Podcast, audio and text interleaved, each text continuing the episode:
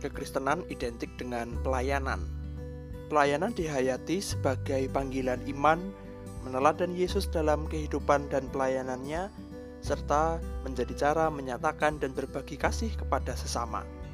Pelayanan kepada sesama juga sekaligus menjadi wujud kasih kepada Tuhan.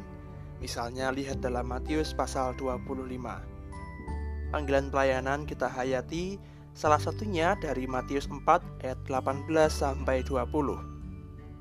Dan ketika Yesus sedang berjalan menyusur danau Galilea, ia melihat dua orang bersaudara, yaitu Simon yang disebut Petrus dan Andreas, saudaranya. Mereka sedang menebarkan jala di danau, sebab mereka penjala ikan.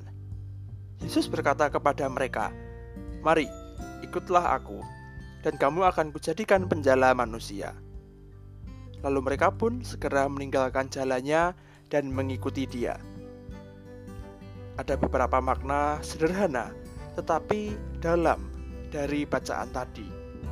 Pertama, pelayanan itu memberi diri mengutamakan orang lain daripada diri sendiri Para murid yang tadinya nelayan hidup mencari nafkah bagi dirinya, mereka memilih untuk hidup melayani dengan mengikut Yesus Sang Guru. Setelah Tuhan Yesus kembali ke surga, mereka pun menerima perutusan Tuhan untuk mengabarkan Injil Kristus kepada segala bangsa. Kedua, dalam panggilan pelayanan orang percaya, Tuhan akan memperlengkapi pelayanan itu dengan kuasanya. Para murid berkembang dari penjala ikan menjadi penjala manusia.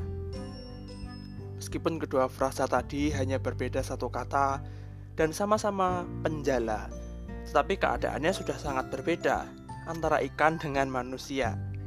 Menjadi penjala manusia berarti membawa manusia untuk terlibat dalam kerajaan surga yang Tuhan Yesus nyatakan, Tuhan Yesus wartakan dalam hidup dan pelayanannya. Kerajaan surga berarti keadaan ketika kehendak Allah yang menyelamatkan manusia dinyatakan atas dunia ini dan digenapi dalam Yesus Kristus, Sang Juru Selamat.